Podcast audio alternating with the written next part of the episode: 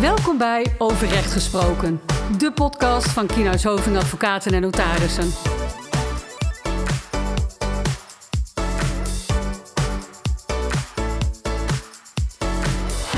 Hallo en welkom terug bij de podcast van Kienhuis Hoving Advocaten en Notarissen. Vandaag gaan wij het met jullie hebben over de coronavaccinatieplicht op de werkvloer. Uh, allereerst, met wie zitten wij vandaag aan tafel? Yvonne Nijhuis, ik ben advocaat gezondheidsrecht. Mijn naam is Imke Linsen. Jullie kunnen mij kennen van de vorige podcast, de nieuwjaarsspecial. Uh, ik ben advocaat arbeidsrecht. En ik ben Berdine van Eerden, ook advocaat arbeidsrecht. En aan deze kant Ramon Steenbergen, advocaat privacyrecht. Nou, waarom zitten wij vandaag nou met vier man aan tafel? Uh, het onderwerp snijdt aan verschillende rechtsgebieden. Uh, dus daarom is het goed om uit alle verschillende expertises iemand aan tafel te hebben. Um, wij gaan het onderwerp in drie delen met jullie behandelen. Allereerst uh, behandelen wij de mogelijkheden en onmogelijkheden van een vaccinatieplicht.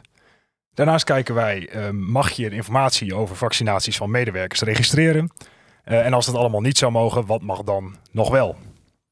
Ja, en uh, als we dan direct met het eerste punt beginnen, is natuurlijk de hamvraag: kan de werkgever de werknemer verplichten zich te laten vaccineren?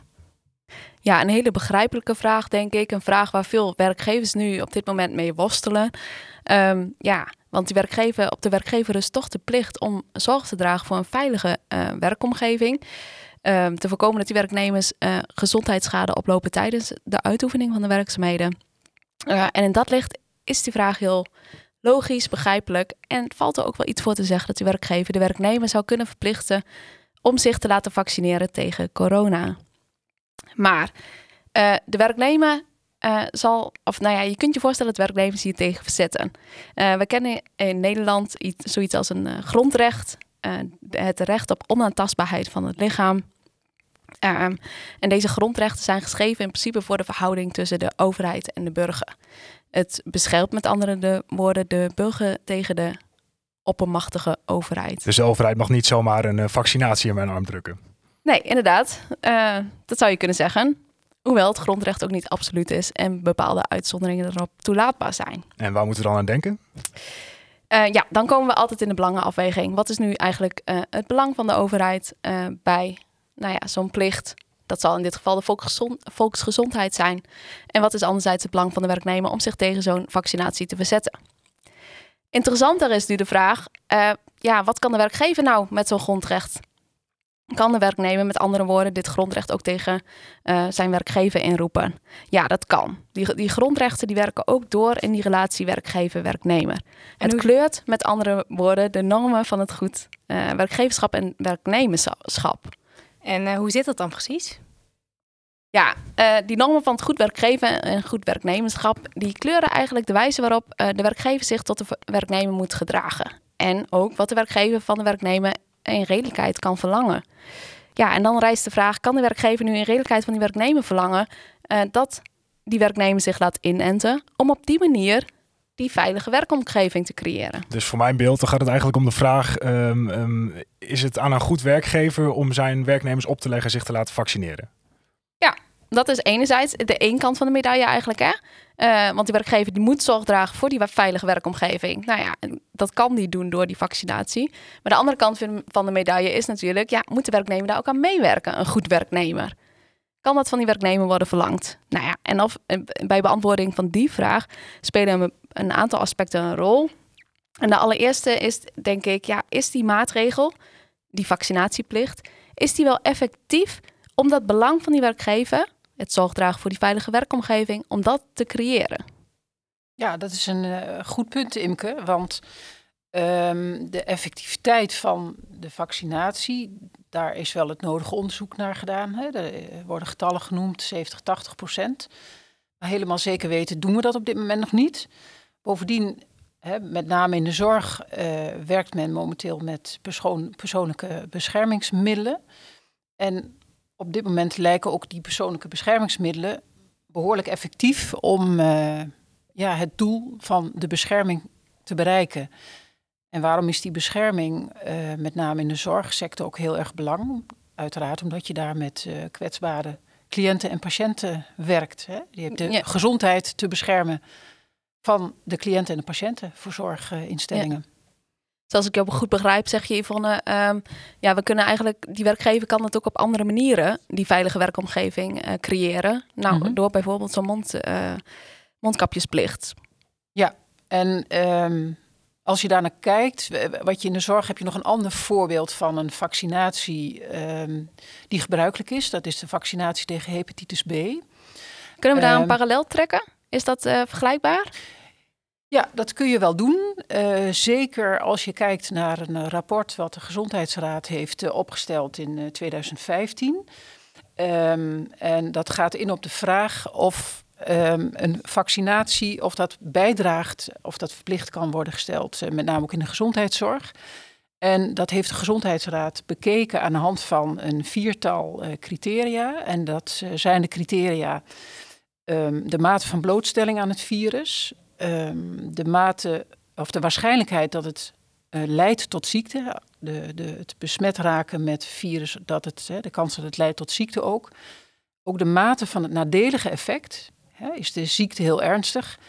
En zijn er afdoende alternatieven om die blootstelling tegen te gaan. En de Deze criteria zijn opgesteld in het kader van die hepatitis eh, B-vaccinatie. Ja, dus als voorbeeld genoemd, maar in zijn algemeenheid zijn deze criteria opgesteld. Dus het is heel handig en goed om dat rapport eh, Dus van voor de de Gezondheidsraad. Ja, Moeten werknemers meewerken aan zijn vaccinatieplicht? ja. En als je naar die criteria kijkt en je legt dat naast eh, het risico, hè, als je besmet raakt eh, met het hepatitis B-virus en dat gaat via bloedcontact, wat zijn dan de gevolgen en zijn er andere beschermingsmiddelen? Dan zie je dat, Ja. dat daar een vaccinatie in het voordeel van het, ja, het vaccineren in het voordeel van de werkgever in zoverre uitpakt. Hè, dat het een effectieve bescherming biedt, effectiever dan andere middelen. Bij hepatitis B. Ja. Ja. Overigens is het dan nog steeds niet een vaccinatieplicht, hè, maar moet de werkgever dat ter beschikking stellen. En is het wel zo dat eh, als een werknemer zich niet wil laten vaccineren, dat met name ook op, hè, als je op een operatiekamer werkt of op de intensive care, dat het niet voor de hand ligt dat een werknemer daar dan te werk gesteld kan worden. Ja. Dus samenvattend, dan eigenlijk zien we dat de Gezondheidsraad over deze vaccinatievraag heeft eh, gebogen met betrekking tot het hepatitis B-virus en de Mhm. vaccinatie daartegen. Ja. Daarvan zegt het, nou, ehm, dat vaccinatie is eigenlijk het meest doeltreffend. Eh, andere middelen bereiken niet hetzelfde effect. Precies. Dus, nou ja, van die werknemer kan eigenlijk worden verlangd dat hij daaraan meewerkt. Mhm. De gezondheidsorganisatie kan nog steeds niet verplichten, maar wel verlangen dat die werknemer meewerkt. Ja. En doet die werknemer dan dat niet, blijft hij weigeren, dan kan eventueel ontslag een sanctie zijn. In een uiterste geval, Ja. als je niet ook Nou ja, die als er geen werknemer elders kunt eh, Ja. plaatsen. Of, hè.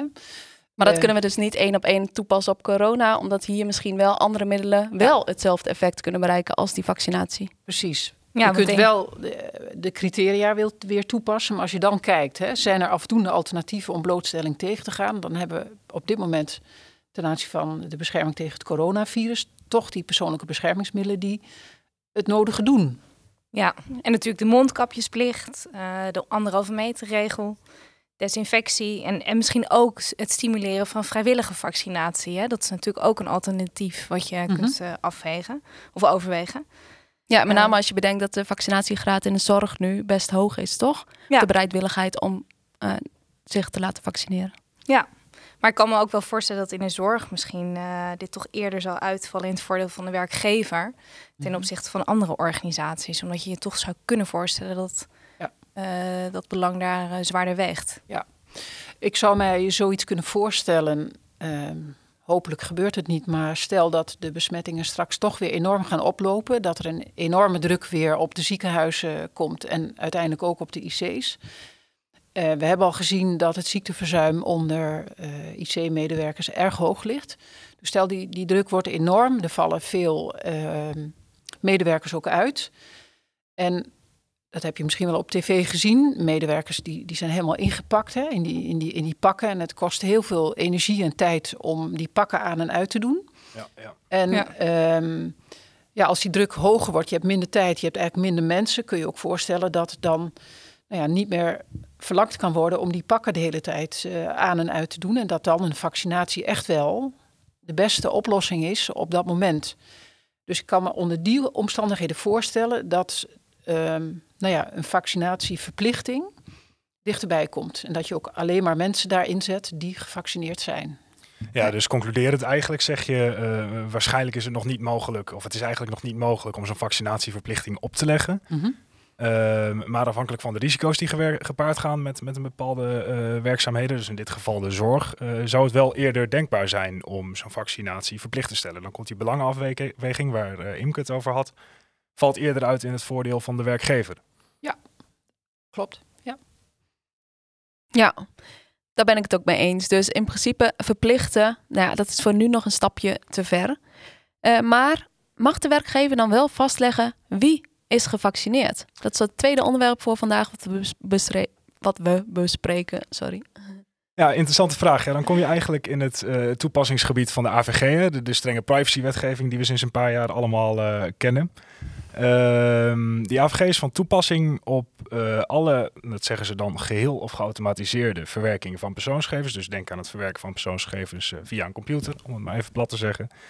Ehm, en op de verwerking van persoonsgegevens die bestemd is om een bestand op te nemen. Dus als jij persoonsgegevens vastlegt in een e-mailtje of op een klapblokje of eh, op je pc ergens, dan is die AVG daarop van toepassing. Dat is heel ruim dus. Dat is heel ruim. En ehm, dan is vervolgens de vraag, hè, wanneer hebben we het hier dan over persoonsgegevens? Nou, persoonsgegevens zijn alle informatie eh, over, een, over een persoon. Dus ook bijvoorbeeld informatie of diegene gevaccineerd is. Ehm, sterker nog, die AVG die maakt een onderscheid tussen gewone persoonsgegevens en, en bijzondere persoonsgegevens. Ehm, die bijzondere persoonsgegevens zijn bijvoorbeeld gegevens over iemands gezondheid. Ehm, en voor die bijzondere persoonsgegevens geldt een verbod. Dus die mag je niet zomaar verwerken, tenzij een van de uitzonderingen uit de AVG van toepassing is. Eh, nou, dat zijn er nogal een aantal, maar de meest bekende is dan denk ik de uitdrukkelijke voorafgaande toestemming van die werknemer. Ja, maar dat lijkt me een lastige, toch? Want die werknemer bevindt zich vaak in een afhankelijke positie van de werkgever. En daar kan bij die werknemer kan het idee leven: ja, shit, als ik nou geen toestemming geef om, eh, nou ja, eh, die gegevens te laten registreren, dan kan dat wel eens gevolgen hebben voor bijvoorbeeld de verlenging van mijn arbeidsovereenkomst. Ja, en dat is ook meteen waar, waar de schoen wringt. Hè? Die toestemming is de meest bekende uitzondering eigenlijk. Eh, maar daarvan heeft de toezichthouder ook al gezegd: als jij als werkgever toestemming gaat vragen aan jouw werknemer voor het verwerken van bijzondere persoonsgegevens, dan gaan wij ervan uit dat die werknemer zich niet vrij voelt om die toestemming te weigeren. Eh, en dat is problematisch, want die toestemming moet vrijgegeven worden. Iemand moet, moet ehm, zonder nadelige gevolgen die toestemming wel of niet kunnen geven. Dus aan die eerste uitzondering hebben we eigenlijk niks in deze Aan die situatie. eerste uitzondering heb je als uitgangspunt, hè, uitzonderingssituaties daar gelaten, eh, heb je hier niet zoveel. Want die werknemer die zal zich vrijwel altijd verplicht voelen om, ook gezien de coronadruk en, hè, en alles wat daarbij komt, eh, dan nu toch die toestemming te geven aan zijn werkgever. En zijn er nog andere opties denkbaar? Eh, ja, er zijn gelukkig nog een aantal andere eh, uitzonderingsgronden eh, in de AVG. Ehm, onder andere de uitzondering dat een bepaalde verwerking noodzakelijk is om redenen van algemeen belang op het gebied van volksgezondheid. Nou, die is geschreven voor deze, deze pandemie, zou je Ja. bijna zeggen. Ehm, maar voor die uitzondering en ook een aantal andere uitzonderingen uit de AVG geldt dat een wettelijke basis nodig is. Dus er moet wetgeving zijn die eigenlijk noodzaakt tot die verwerking van die vaccinatiegegevens. Ja, En- ik, ehm, dat, volgens mij eh, is die wet er op dit moment. Dat is de coronawet die eh, in de, met name ook in de wet publieke gezondheid is opgenomen. Ehm, en die wet voorziet in een vrij snelle aanpassing aan de hand van de omstandigheden ook in de, in de, in het, in de crisis, hè, in de Ja. coronacrisis. Ja, Zou, dat, zou dat een optie zijn? Eh, ja, die wet die biedt in ieder geval mogelijkheden. Hè? Die coronawet die verplicht op dit moment nog niet eh, werkgevers om vaccinatiegegevens van werknemers bij te houden. Mhm. Maar die biedt, zoals ik het begrijp, wel de mogelijkheid om snel nieuwe wetgeving te implementeren. En als je nou nieuwe wetgeving implementeert die noodzaakt tot die verwerking van die vaccinatiegegevens, dan zul je al veel eerder een beroep kunnen doen op een van die uitzonderingen op dat verwerkingsverbod waar ik het net over had.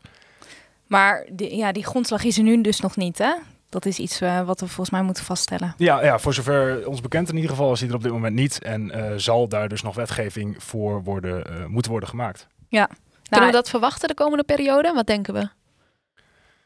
Het, het zou wel eh, in ieder geval een goede zaak zijn als Ja. die, die, die wetgeving wel volgt. Hè? Ja, ik zie natuurlijk de- wel vlak voor de verkiezingen. Het is een lastige Mhm. periode altijd Ja. om nieuwe wetgeving tot stand te misschien brengen. is het politiek wel Demissionair kabinet.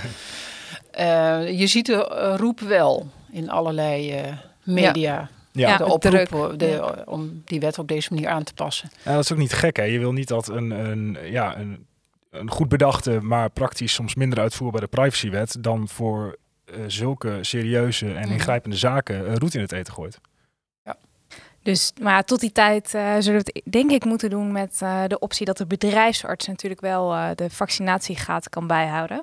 Tenminste, dat is wel iets wat het overwaar, overwegen waard is. Dat wat heeft de werkgever daaraan? nou, de bedrijfsarts die kan in kaart brengen hoe hoog de vaccinatiegraad is. En afhankelijk daarvan kun je wel zien of je bijvoorbeeld nog verdere maatregelen moet treffen als werkgever. En dan denk ik bijvoorbeeld aan preventieve voorlichting. Ja. en dat soort zaken om mensen gewoon te stimuleren zich toch te, toch te laten vaccineren. Ja, dat is een goed punt. Hè? Die bedrijfsarts die, uh, mag in principe die bijzondere persoonsgegevens, die gegevens over iemands gezondheid, wel uh, verwerken. Uh, daarbij is het wel van belang om voor ogen te houden dat de werkgever dat niet mag, ook al is er een bedrijfsarts. Dus die scheiding tussen die, die gegevens die die bedrijfsarts heeft um, en de gegevens waartoe de werkgever toegang heeft, die moet wel heel duidelijk aanwezig zijn.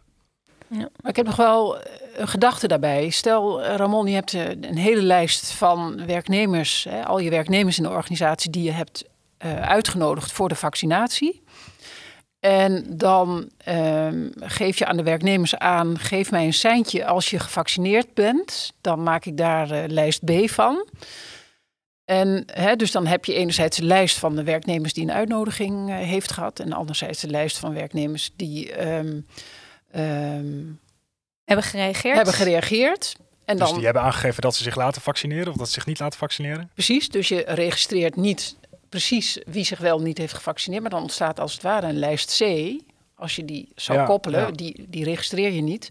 Maar daar kun je wel afleiden uh, wie er wel of niet gevaccineerd is. Hoe ja, kijk je dat dus, tegenaan? Dus dan heb je eigenlijk een lijst met uh, wie hebben wij allemaal uh, bericht dat hij zich moet vaccineren. Ja. En een lijst met mensen die hebben gezegd, ja dat doe ik wel. Of nou, die lijst is er niet, maar die worden geschrapt van de eerste lijst. Zeg maar. ja, dus precies. dan uh, zou je zeggen, ik heb alleen een lijst van mensen die ik heb uitgenodigd en die niet gereageerd hebben. Exact. Ik vind het wel een creatieve oplossing, moet ik, zeggen. Ik vind hem ook heel creatief gevonden, maar of die in de realiteit of, of uh, naar het recht in ieder geval stand houdt, dat, dat is de vraag. Um, die toezichthouder die legt die begrippen persoonsgegevens en die herleidbaarheid heel ruim uit. En die zegt eigenlijk dat wanneer jij door combinatie van twee datasets alsnog uh, kunt herleiden uh, om wat voor persoonsgegevens gaat en op wie die zien, mm-hmm. dat je dan nog steeds uh, um, um, van persoonsgegevens kunt spreken. Dus dan heb je misschien nu geen gegevens concreet gezien, niet een lijst met mensen die gevaccineerd zijn, zijn ja. maar die is wel heel duidelijk af te leiden. Dus ik denk, ook gelet op die, die ruime interpretatie van die toezichthouders, dat je dan nog steeds wel AVG-technisch um, je in ieder geval op heel riskant gebied bevindt. Mm. Hey Ramon, wat is nou nu de consequentie als de werkgever toch vraagt aan de werknemers of ze zich laten vaccineren en dat registreren? Welk, risico loop je als werkgever? Uh, ja, dan loop je zeker een aantal risico's. Um, die AVG, daar is, daar is die mede zo bekend of, uh, van. Hè? Die, die um, biedt een nogal hele ruime boetebevoegdheid uh, aan de toezichthouder. Met een maximum van 20 miljoen euro of 4% van jouw wereldwijde jaaromzet als dat meer is. Dus, dus dat is nogal ingrijpend. wordt dat nou meteen hiervoor opgelegd? Dat, dat zullen we moeten zien.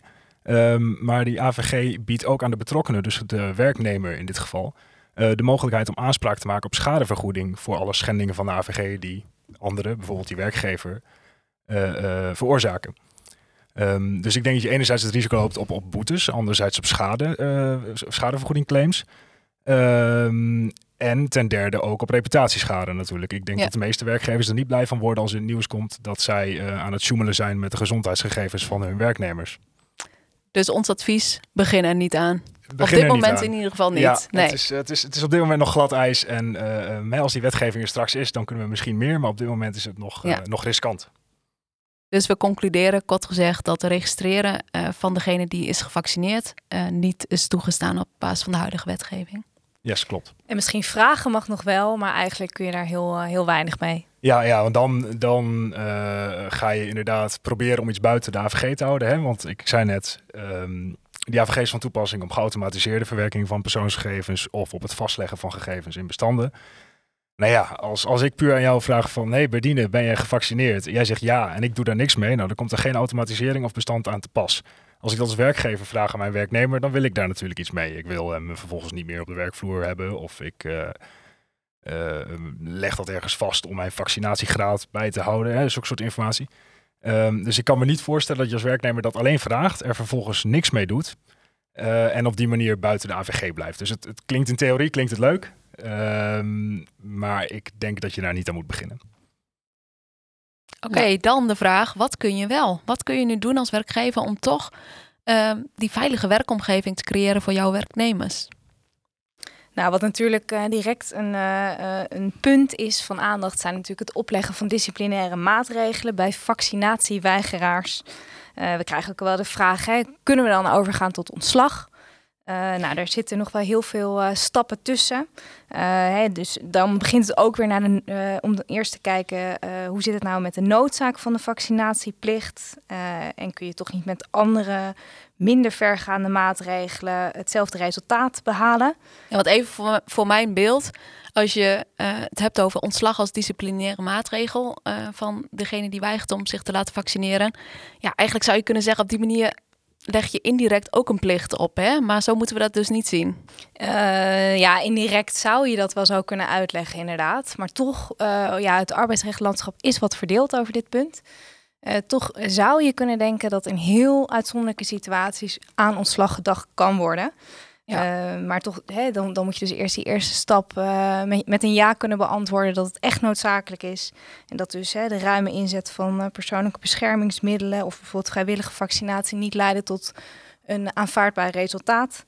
En ook hè, is er geen ander werk voor de werknemer beschikbaar binnen het bedrijf. En cel, hè, uh, het komt toch tot ontslag. Dan ligt natuurlijk ook een uh, voor de hand liggend voorbeeld uh, in ieders gedachten. Misschien namelijk een uitspraak over de brandweerman die weigerde een lood, loodtest af te nemen. Ja, dat ging om een bloedtest, geloof ik, hè? Ja. Dat klinkt heel interessant, maar voor mij als niet-arbeidsrechtjurist, vertel. Nou, er was um, een brandweerman, uh, nou ja, een brandweerkazerne neem ik aan, de werkgever, die alle werknemers verplichtte om een bepaalde loodtest uh, te doen, een bloedtest dus. En die test was de, uh, voor de gezondheid, of voor de bescherming van de gezondheid van werknemers. Want lood is niet goed voor je. Inderdaad.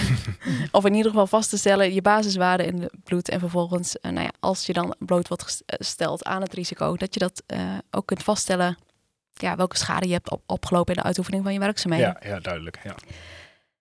Um, deze werknemer, die, deze brandweerman, die weigerde dat. Die, hij was uh, bang voor um, spuiten, kon daar niet goed tegen, was zijn argument. En om die reden wilde hij de bloedtest niet laten doen.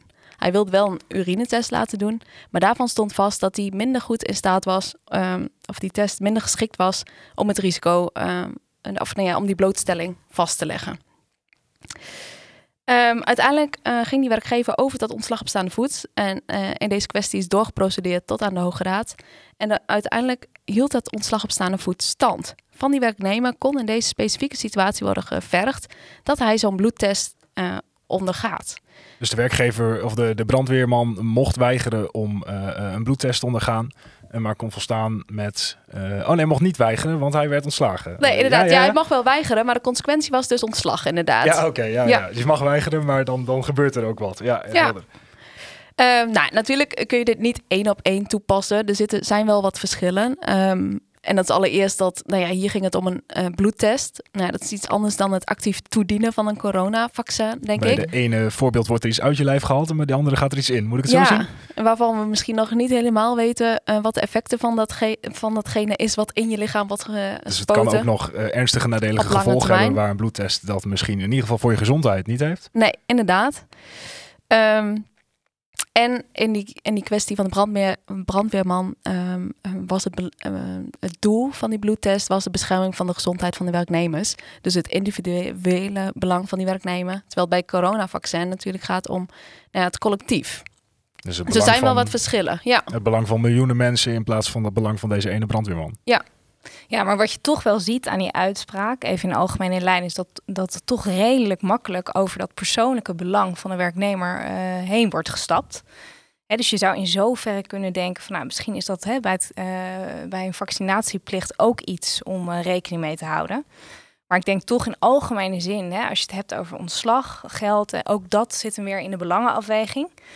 En hè, als je dan bijvoorbeeld als voorbeeld denkt aan uh, iemand die werkzaam is op de IC, dan zou je echt wel kunnen betogen, vind ik, dat hij ongeschikt is voor het werk, omdat hij niet gevaccineerd is. Ja, het voorbeeld gaf ik net al. Hè?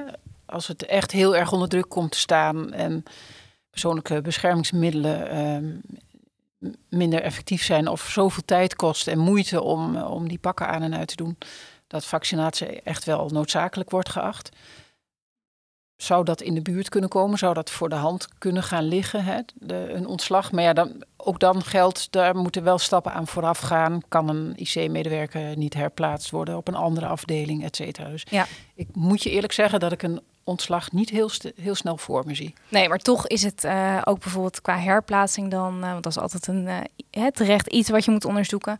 Zou je natuurlijk kunnen denken, hè, ook het belang van de patiënt en van de gezondheidszorg speelt natuurlijk ook op andere afdelingen. Ehm, hè, maar ik, ik denk toch in de ja. gezondheidszorg heb je misschien nog iets meer mogelijkheden. Ja, dan bijvoorbeeld Ja. bij ons bij een advocatenkantoor. Ja. ehm, waarin niet Ja. de- een belang speelt van patiënten, kwetsbare groep. Ja. Ja. En waar we goed afstand kunnen houden, niet direct in contact staan met onze cliënten. Absoluut. Kan ook Nee. allemaal via Teams, hebben Ja. we de afgelopen periode geleerd. Maar toch, toch is het nogal wat. Hè? Ik hoorde jou om even terug te vallen op die, die brandweerman-uitspraak. Zeggen, ja, er werd vrij gemakkelijk voorbij gegaan aan eh, ehm, de rechten van die, van die brandweerman. Hè? Je hebt eh, ehm, een grondrecht op eerbiediging eh, eh, van jouw lichaam, hè? onaantastbaarheid van het lichaam. En daar wordt dan dus blijkbaar overheen gestapt, omdat het in dit geval de gezondheid, ja, gezondheid van anderen dient. Of de gezondheid van die, van die brandweerman in dit geval. Ja. Eh, dit- ik vind dat nogal wat. Eh, en daar komt ook bij, dat, dat, dat schiet me dan te binnen als je zegt we gaan iemand, of we mogen misschien iemand ontslaan eh, omdat hij zich niet heeft laten vaccineren. Op dat moment ga je dat wel weer vastleggen. Hè? Pietje Puk is uit de organisatie gezet, want hij weigerde zich te laten vaccineren. En dat is, eh, heeft ernstige gevolgen, want we zijn zo'n instelling waar de belangen van, van eh, de andere medewerkers en de patiënten bijvoorbeeld zwaar wegen. Toch ga je dan die gegevens wel vastleggen. En daarmee komen we weer in die rijkwijde van de AVG. Dus ik vraag me ook af of we daar zonder die wetgeving waar we het net al hadden, eh, dan niet alsnog in de knel komen. Ja, nee, dat is wel een terecht punt inderdaad. Ik denk, hè, als je echt alle stapjes gezet hebt en alle mitsen en maren met goed gevolg bent doorlopen en je bent dus hè, bij dat ontslag aangekomen, misschien van diegene die werkzaam is op de IC, die geen enkel reëel bezwaar kan opwerpen waarom hè, diegene zich eh, niet eh, wil laten eh, vaccineren. Nou, dan kun je je voorstellen dat misschien toch die belangenafweging in het voordeel uitvalt van de werkgever en er dus een ontslag kan komen. Maar dan zou je misschien kunnen denken hè, aan dat de werknemer wel een billijke vergoeding kan vorderen, omdat de werkgever de AVG heeft overtreden. En die billijke vergoeding dan, hoe moet ik dat dan, dan voor me zien? Is dat gewoon een, een gouden handdruk die ik meekrijg? Of eerder een soort schadevergoeding voor wat die werkgever al dan niet verkeerd heeft gedaan? Ja, je zou dat meer kunnen zien als een, als een soort van schadevergoeding. En dat hangt dan samen met het feit of sprake is van ernstig verwijtbaar handelen door de werkgever. Nou, er wordt soms wel eens betoogd dat een eh, overtreding van de AVG een ernstig verwijt kan opleveren voor de werkgever. Hè, dus dan kun je eigenlijk via die route zeggen dat toch rekening wordt gehouden met de AVG, maar dat Ja. het einde van de arbeidsovereenkomst er wel komt. Ja, en misschien is dat nog daar gelaten de mogelijkheid. Hè? De AVG heeft het zelf ook over eh, eh, de mogelijkheid om aanspraak te maken op schadevergoeding als die AVG wordt overtreden. Ehm, dus dan heeft die werkgever misschien daar wel twee middelen. Eh, ja, of ja, de, de werknemer heeft dan twee eh, eh, mogelijkheden om zijn schade proberen te, Ja. te verhalen, inderdaad. Dus dat zou kunnen. Dus dat is denk ik wel iets om, om je te realiseren als werkgever. En om nog even op dat voorbeeld van het advocatenkantoor terug te komen. Kijk, dan kan ik me voorstellen dat de belangenafweging in het voordeel van de werknemer uitvalt omdat, hè, ja, hoe onderbouw je dat het werk gewoon niet meer gedaan kan worden als eh, iemand hier eh, eh, weigert zich te laten vaccineren. Dus En- als ik ja, weiger, dan kan ik niet ontslagen worden. Eh, nou, dat, die, die uitspraak, daar ga ik op dit moment even niet op in. Maar het zou kunnen, het zou, je zou het met Nee. succes kunnen, Ja. eh, kunnen betogen natuurlijk. Al zit Imke thuis achter haar pc te hoesten, dan hoeven de andere mensen die thuis op dit moment het werk zijn daar nog geen last van Nee. te hebben. Nee, precies. Zo, zo zou je het eigenlijk moeten, moeten zien inderdaad. En dan kan Misschien wel een vervolgvraag die nu in me opkomt. Zou, zou ehm, mijn werkgever we- mij wel kunnen verplichten om in die situatie thuis te werken? Dus om mij de toegang tot de werkvloer hier te ontzeggen. Een plicht tot thuiswerken als je je niet laat vaccineren. Ja, dat is ook een leuke vraag inderdaad. Ehm, ik denk dat dat op zichzelf nog wel zou moeten kunnen. Ja, Hoewel we hier natuurlijk wel veel afstand hebben tot elkaar. Dus je zou kunnen zeggen, ja, ook al zit ik hier alleen op mijn werkkamer, dan, dan vorm ik nog geen bedreiging voor jullie of voor de gezondheid van jullie. nee, klopt. Maar je hebt natuurlijk wel de algemene overheidsregel nu, hè? Dat, eh, dat je zoveel mogelijk moet thuiswerken. Ja, dat is waar. Ja, en ik zou hier toch ook even ja maar AVG willen roepen als we mensen gaan verplichten om thuis te werken, omdat we weten dat ze niet Ja. gevaccineerd zijn. Nee, precies. Dus die AVG is inderdaad uh, laten hem even iets rusten. eh, wat continu eh, weer terugkomt. Maar goed, weet je, los van ontslag, dat is natuurlijk het aller, allerlaatste middel, zijn er ook heel veel andere alternatieven nog eh, die, eh, die, oog, eh, die ook relevant zijn om nog eens eventjes te bespreken. Ja, en dan is een eerste punt denk ik echt uh, die voorlichting. Um, ligt je werknemers voor over de vaccinatie um, door bijvoorbeeld informatie te verstrekken, inzicht te verschaffen in eventuele risico's misschien. Um, en vooral ook een beroep te doen op de morele verantwoordelijkheid van werknemers. ja, alleen samen kunnen we deze coronacrisis bestrijden volgens mij. Ja, en uh, misschien ook nog wel even goed te noemen dat je op grond van de Arbowet ook daadwerkelijk preventieve maatregelen moet inzetten als werkgever. Waar denk je dan aan? Uh, nou, sinds 1 januari van dit jaar is er een uh, wijziging in de Arbo-wet gekomen. Uh, je moet als werkgever hygiënemaatregelen treffen, voorlichting geven over de coronacrisis en over hè, de besmettingsgraad. Ja. Uh, en ook handhaven. En als je dat nou niet doet, dan uh, kun je snel rekening houden met boetes. En bij herhaaldelijk of zelfs ernstige overtreding, dan kan de arbeidsinspectie zelfs je bedrijf stilleggen. Dus dat zijn echt wel forse maatregelen. Dus je zegt eigenlijk, je bent verplicht om ook een aantal van die, van die anti-corona maatregelen al te implementeren met de wijziging van die wetgeving. Ja, zeker. Op grond van die, uh, dat arbeidsomstandighedenbesluit uh, moet je dat zeker de naleven. bij de deur en ja. uh, dat soort zaken. Ja, ja pas bij die plicht hè, om, die we in het begin, waar we mee begonnen, de werk, op de werkgever rust een plicht om te zorgen voor die veilige werkomgeving. Nou, in dat licht moeten die maatregelen worden genomen. Ja, ja. Als ik alles zo beluister, dan lijkt het ook heel goed dat werkgevers en ook werkgevers in de zorg uh, goed vaccinatiebeleid hebben. Hè? Dat ze een protocol hebben waarin ze vastleggen, een hele goede uitleg geven over het, uh, over het virus, over de werking, over de risicogroepen. over de, het vaccin zelf, hè, wat je er nu over weet, hè, dat je dat ook aan je werknemers uitlegt. En dat je instructies geeft over het vaccineren, hoe werkt het, waar kun je het doen. En nou ja, waar we het net ook al over hadden, in het uiterste geval, of als er een wet komt die de vaccinatie verplicht stelt, of stel dat er een wet komt die ook die, hè, die registratie um, mogelijk maakt voor de werkgever, dat er dan ook maatregelen te treffen zijn als werknemer zich niet wil laten vaccineren en dat je dat stapsgewijs aangeeft in een, uh, in een protocol of in het beleid dus dan kom je eigenlijk weer bij die disciplinaire maatregelen waar Berdien het ook over had. Dat je eigenlijk in een soort glijdende schaal van steeds strengere maatregelen ja. uh, acteert op ja. dat, dat niet willen laten vaccineren. Ja, en dat je ook duidelijk de gevolgen aangeeft hè, richting werknemers. Wat gebeurt er als je dit of dit niet wilt of daar niet aan meewerkt? Dan is uh, de werknemer ook een gewaarschuwd mens uh, als het ware. En die telt voor twee. Ja, zo is het. En dus dat ligt met name denk ik voor de hand in de zorg. Ja. Ja, omdat je daar nogmaals ook, ook heel sterk de verplichting hebt op grond van de wet om je patiënten en cliënten te beschermen. Ja, maar neem niet weg dat het natuurlijk ook in andere sectoren Zeker. van belang kan zijn. Ja. ja. En iets wat je daarin mee zou kunnen nemen in zo'n uh, vaccinatieprotocol, dan maak je er meer een uh, coronaprotocol van misschien, uh, is misschien ook wel een testbeleid. Dus schrijf nu concreet op als werkgever zijnde wanneer je van je werknemers verlangt en dat zij zich laten testen op corona. Ook zo'n coronatest maakt een inbreuk op het recht op onaantastbaarheid van het lichaam van die werknemer. Um, dus die werknemer kan zich ook in deze situatie op dat grondrecht uh, beroepen. Maar ik denk dat het heel goed uh, verdedigbaar is dat die balans hier al snel in het voordeel van die werkgever uitvalt. En dat de werknemer uh, dus wel verplicht is om zich te laten testen. Um, um, ja, en je, want zo'n test, die coronatest, is natuurlijk veel minder ingrijpend dan uh, het coronavaccin. En dan hier kun je ook weer die parallel trekken met die brandweerman en die loodtest, die bloedtest. Um, ja, je haalt iets uit je lichaam. In, in, het, in het geval van een uh, coronatest stop je een wattenstaafje achter in je neus of achter in je keel. Um, dus ja, het is even vervelend, maar het is niet dat het uh, zo'n zo ernstige inbreuk maakt.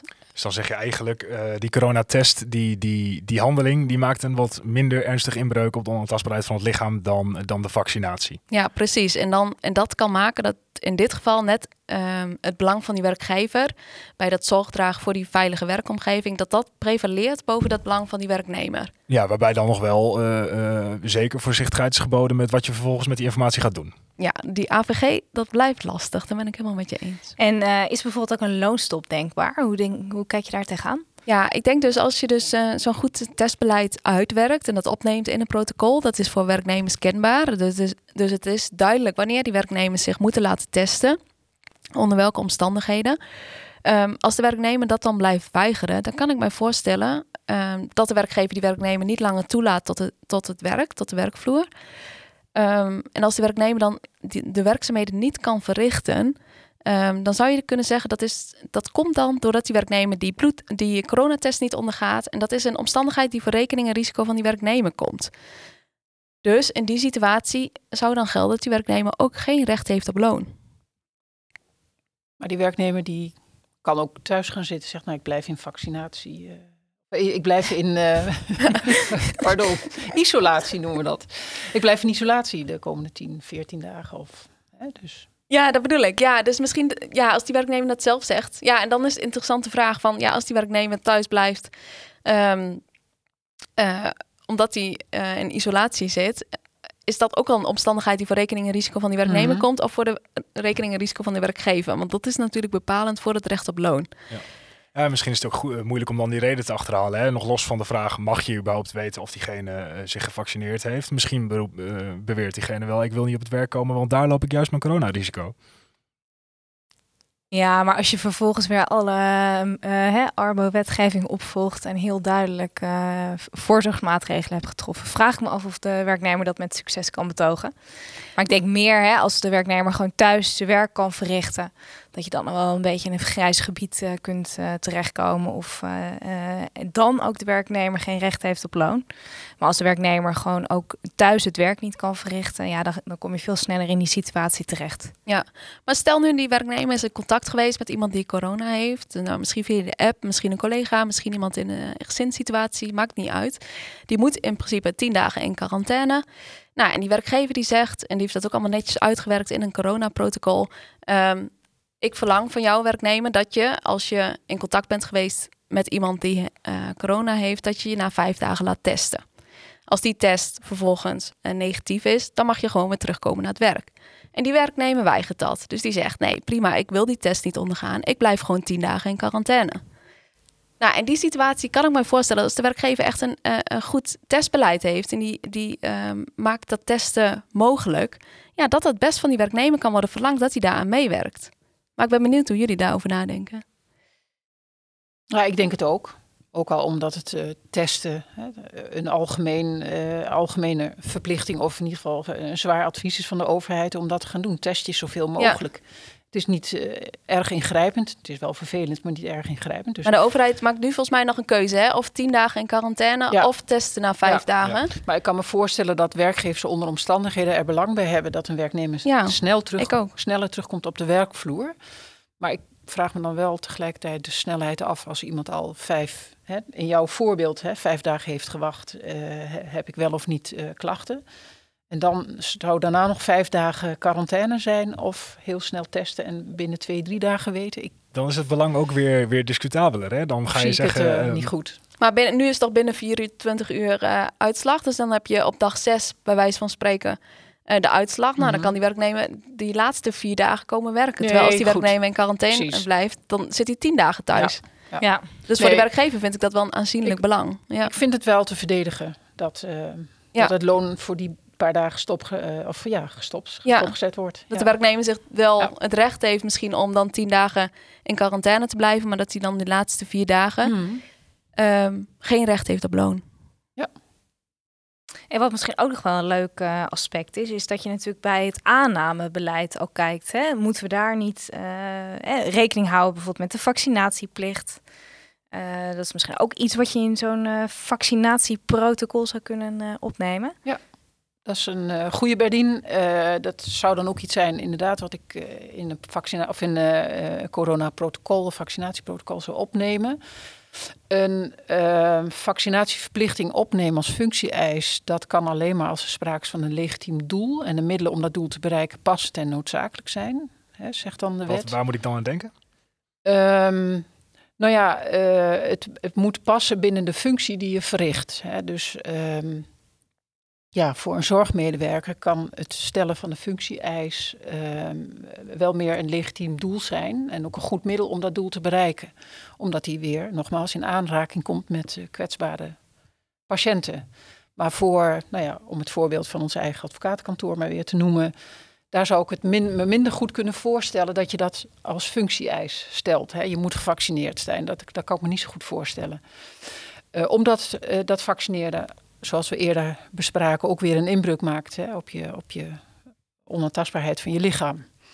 Um, nou, wat kan je dan wel doen? Um, als een vaccinatie echt cruciaal is om het werk veilig te kunnen uitvoeren, zoals uh, nogmaals zorgmedewerkers, dan kan de werkgever verlangen dat de sollicitant een medische keuring ondergaat in het licht van de wet op de medische keuringen. Dus daar bestaat ook een wettelijke basis eigenlijk ja. hè, om dat te vragen van iemand? Precies. En dan kan je de bedrijfsarts uh, vragen of opdracht geven dat die gaat navragen of de kandidaat gevaccineerd is.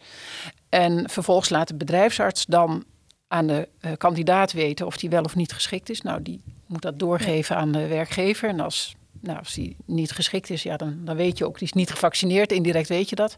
Maar ja, dan is die ook niet geschikt voor die functie op dat moment.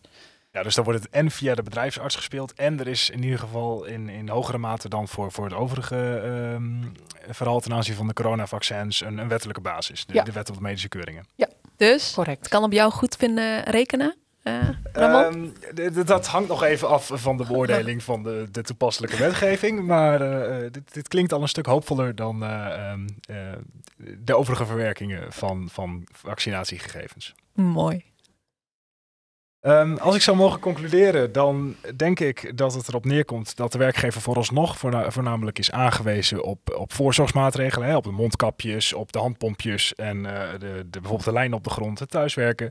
Uh, en alle andere coronamaatregelen die eigenlijk nu uh, onderdeel zijn geworden van het dagelijks leven. Persoonlijke beschermingsmiddelen, ja, met name in de zorg. Ja, dus dat zijn eigenlijk, hè, dan, dan denk ik aan de volledige pakken die, ja. die daar zelfs voor zijn nu.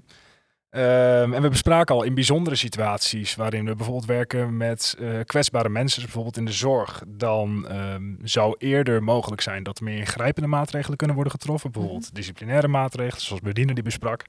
Um, waarbij telkens van belang is om die belangenafweging weer te maken. Hè. Welk belang staat hier tegenover dat belang ja. uh, van, van die werknemer om zich niet te laten vaccineren? Nou ja, mogelijk is daar in de toekomst meer ruimte voor. Hè. Als we weten dat het coronavaccin uh, bijvoorbeeld net zo uh, efficiënt is als het hepatitis B-vaccin. Um, en natuurlijk, als er straks een wetgeving is, dan biedt dat ook veel meer mogelijkheden. Dus daar, op dat punt, is ook echt de wetgever aan zet. Hè. Al een groot deel van de moeilijkheden die we nu bespreken, die zijn het gevolg van het gebrek aan, aan heldere wetgeving op dit punt. Ja. ja. En daarbij zou het kunnen helpen uh, dat, er, dat de werkgever wel een goed coronaprotocol heeft. Hè, waarin alle afwegingen en stappen en informatie over het hoe en waarom van, uh, van alle stappen wordt weergegeven. Ja, precies. Dus eigenlijk, uh, we zien allemaal het belang. We zien dat hier actie nodig is. Ja. Uh, maar zowel aan die zijde van die werkgever als aan die zijde, voornamelijk aan die zijde van de wetgever, uh, zijn vervolgstappen nodig. Ja, en dat betekent wel dat je op zich nu al wel zo'n protocol zou kunnen maken. Als je dan rekening houdt hè, met uh, het feit dat er misschien zo'n wettelijke basis gaat komen. Dus op zich is dat wel denkbaar. Vooruitdenken en voorsorteren Precies. op de wettelijke basis. Helemaal goed. Um, dan was dit denk ik wat wij wouden bespreken ten aanzien van uh, de vaccinatieplicht. Uh, er is nog het een en ander aan werk aan de winkel. Bedankt voor het luisteren. Abonneer je op onze podcast via de gebruikelijke podcastkanalen. En ehm, wij, zien jullie wij spreken jullie bij de volgende aflevering. Dit was Overrecht Gesproken, de podcast van Kienhuis Hoving. Heb je vragen of wil je meer informatie? Stuur dan een e-mail naar podcast.kienhuishoving.nl Wil je niets missen? Abonneer je dan op onze podcast via jouw favoriete podcast-app.